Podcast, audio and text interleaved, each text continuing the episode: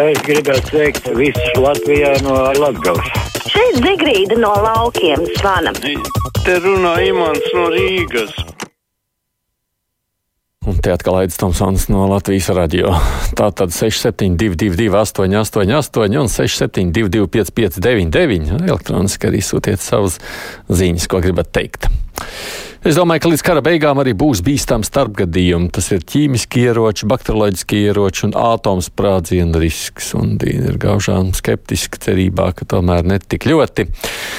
Tā savādi iznāk. Valsts no nodokļu maksātāja naudas izmaksā Air Baltica desmitiem miljonu eiro. Te pašā laikā uzņēmums sponsorē privāto televīziju, TV raidījumu Es mīlu tevi Latviju. Gribu dzirdēt pamatojumu, saka Uldis.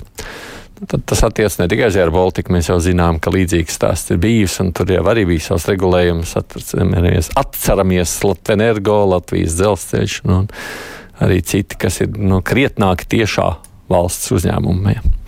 Pārs īpašumā. Halo! Labdien! Jā, lūdzu! Groznī un Alepo Krievi nolīdzināja līdz ar zemi. To visi zina.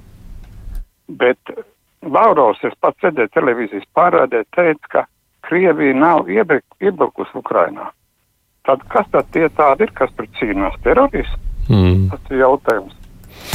Kā zināms, viņiem ar ķēdzienu izvēli ir lielas grūtības. Nedrīkst sacīt, ka viņi kaut kā iebrūk. Nu jau šo ir par maz saukt par vienkāršu karu. Tas ir visīstākais genocīds, mērķtiecīga Ukraiņas tautas, kultūras, rūpniecības un infrastruktūras iznīcināšana, saka Jānis, tā tas lielā mērā arī ir. Nu, pavērojot, kur partija pārstāv tagad izrāda tik pārspīlēts rūpes par Krievijas potenciāliem bēgļiem, vai tik tās vispirms nav rūpes par savu partiju reitingiem ilgtermiņā. Ticiet man, tagad uzrādīsies ļoti daudz bēgļu pēdiņās, kas beigs tieši tādēļ, ka dzīve Krievijā tīri ekonomiski kļūst aizvien smagāka. Saka Agita, Agita un taisnība, šīs lietas ir jānodala. Halo! Uh, labdien! Labdien! Nu, tu redziet, kāda tā mūsu slavenā Suvorova ir. Žēlojas, ka viņai nav ko ēst, nu tā lai viņa tagad prasa Putinam, ja viņa Putina atbalsta. Mm. Es saprotu, ka kaut izteikusies ir. Pavērojiet, ne, to es jau izlasīju, kāda būs Latvijas nostāja kara bēgļu jautājumā, ja bēgļi Latvijā plūdīs iekšā, bet izmitināt tos vairs nebūs kur ko tad Latvija darīt, ja tai būtu tieši robeža ar Ukrainu, saka Kaspars. Nu, mēs jau redzam arī situāciju Polijā, kur ļoti līdzīga aina, un cilvēki viņi arī saka, ka viņiem jau šobrīd diezgan kapacitāte sasniegta. Halo! Runāsit? Nerunāsit, jā? Ja? Nu, kad nerunāsit, tad es neko nevaru darīt. Celšu labāk citu klausītāju uzklausot. Halo! Jā, Jā lūdzu! Labi, ka jūs man dzirdat. Jā, dzird. Bet, Tomson kungs, atļaujiet man tomēr norunāt līdz galam, ja drīkst. Es jums tik reti zvanu. Un vēlreiz par to mūsu slaveno pieminekli uzvaras laukumā. Es vēlreiz atkārtoju. Tas ir kauns un negods visai Latvijai, latviešu tautai. Un tur salasās. Nu, būtībā fašisti piekritēji, puķini piekritēji. Saprotiet, kas notiek? Vai to mēs drīkstam pieļaut šajos apstākļos? Kādā sakarā? Un Urbanovičs saka, ka tas esot svētuma aizskaršana, ja tur kaut ko darīs. Kādu svētumu? Nu jā, jautājums ir pietiekoši aktuāls. Es domāju, tīpaši, ka tuvosies 9. mājas. Arī Baltika būvi neietekmēs pašreiz notiekošais Ukrainā un Krievijas sankcijas, jautāja Elmārs. Šī jautājums vietām. Halo! Labdien! Labdien! Un te runā par bēgļiem. Es padzirdēju, ka uzradušies ir Krievu bēgļi, Krievijas. Vai tā Krievijā ir karš vai Ukraina iebruka Krievijā?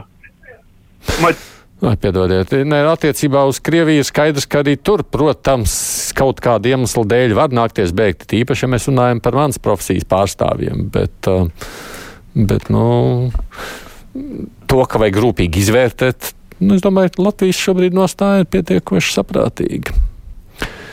Ko Krievija darīs pēc kara? Pasaule taču nekad to neaizmirsīs un nepiedos. Nekad nepiedos izpostītās dzīvības.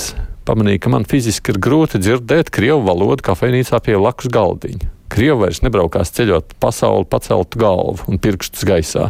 Nekur viņus vairs negribēs uzņemt un redzēt.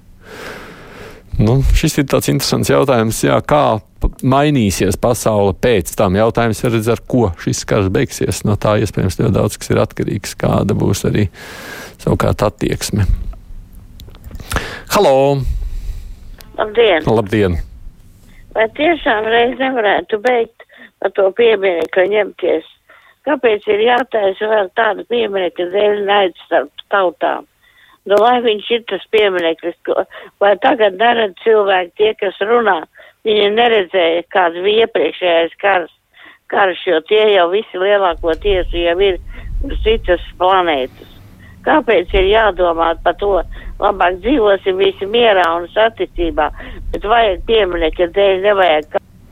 Vai attiecībā uz mieru un saticību, protams, tas ir ļoti tāds uh, subjektīvs jēdziens, ko mēs ar šo saprotam, kurā brīdī ir miers un saticība. Ja, es domāju, ka te ir tāds semantiskais pienesums visam. Ja mēs to pie, uztveram vienkārši kā vēsturi, tā ir viena lieta. Otrs, ja mēs tur ieliekam pašreizējo politiku, ko diemžēl arī bieži vien izdarām.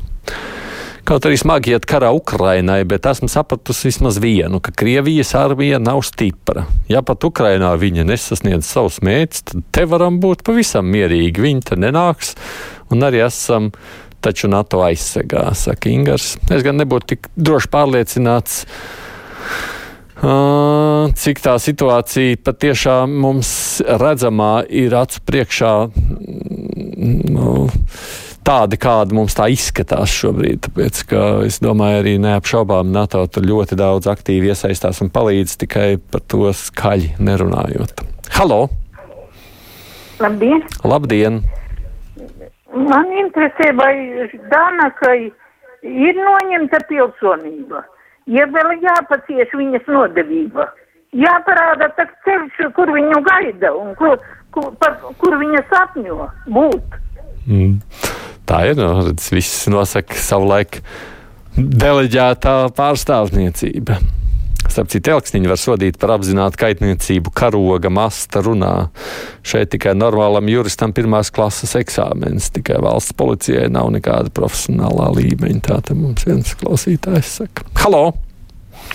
Halo, labdien! Labdien! Es pa, pavisam citu tēmu. Man ļoti pēdējā laikā uztrauc tas, ka žurnālisti un, un tie konsultanti bieži lieto vārdu narratīvs.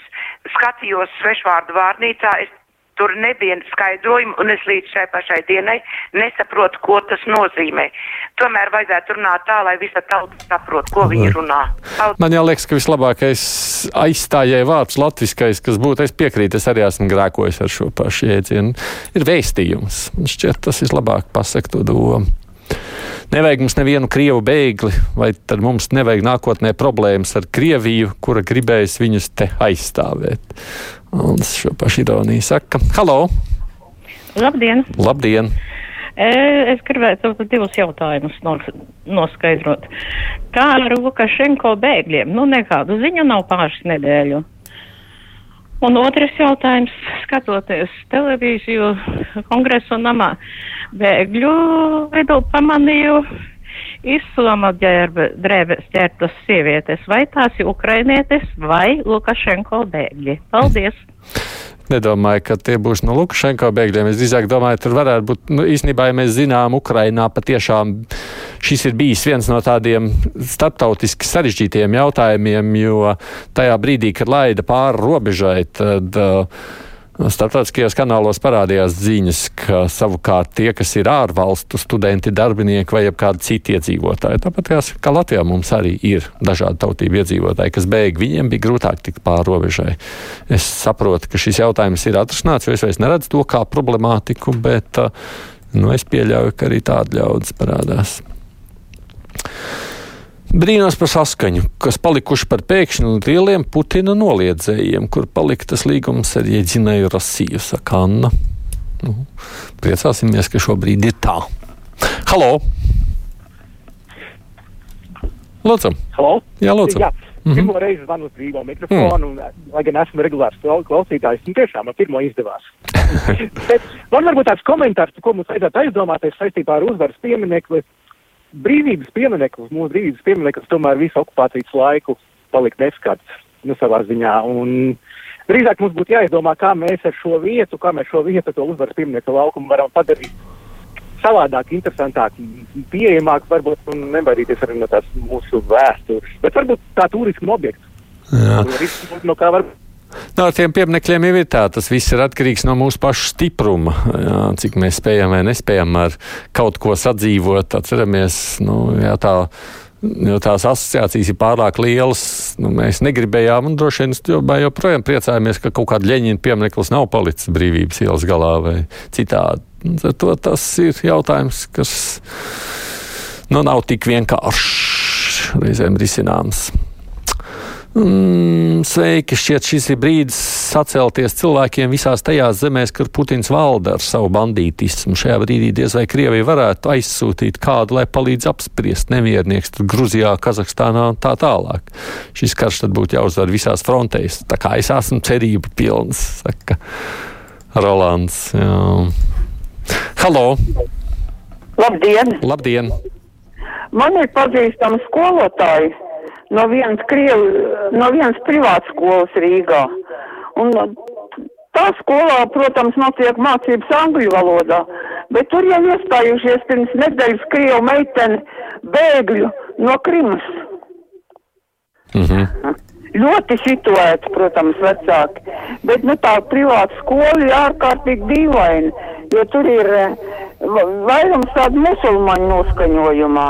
Latviešu valoda viņam vāji interesē, lai gan tur ir latviešu skolotāji. Mm. Bet uh, vispār jau tie, tie arī musulmaņi, ne tie visi iebraucēji.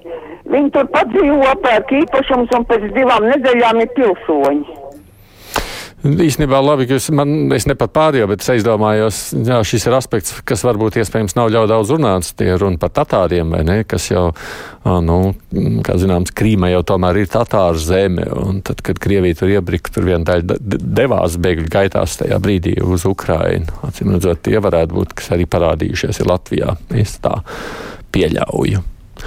Vēstījums, lūdzu, žurnālisti, izmantojiet šo vārdu. Viktors saka, viņam tas patīk. Un savukārt Raks Lukašenko karot negrib, bet Putins viņu grib piespiest. Mēs par Lukašenko runāsim divās puslodēs, jo šodien arī tas ir raidījums, kurā nu, starptautiskās aktualitātes ir uzmanības lokā. Bet tagad gan ziņas, nu tad par Krieviju pēc tam plašāk.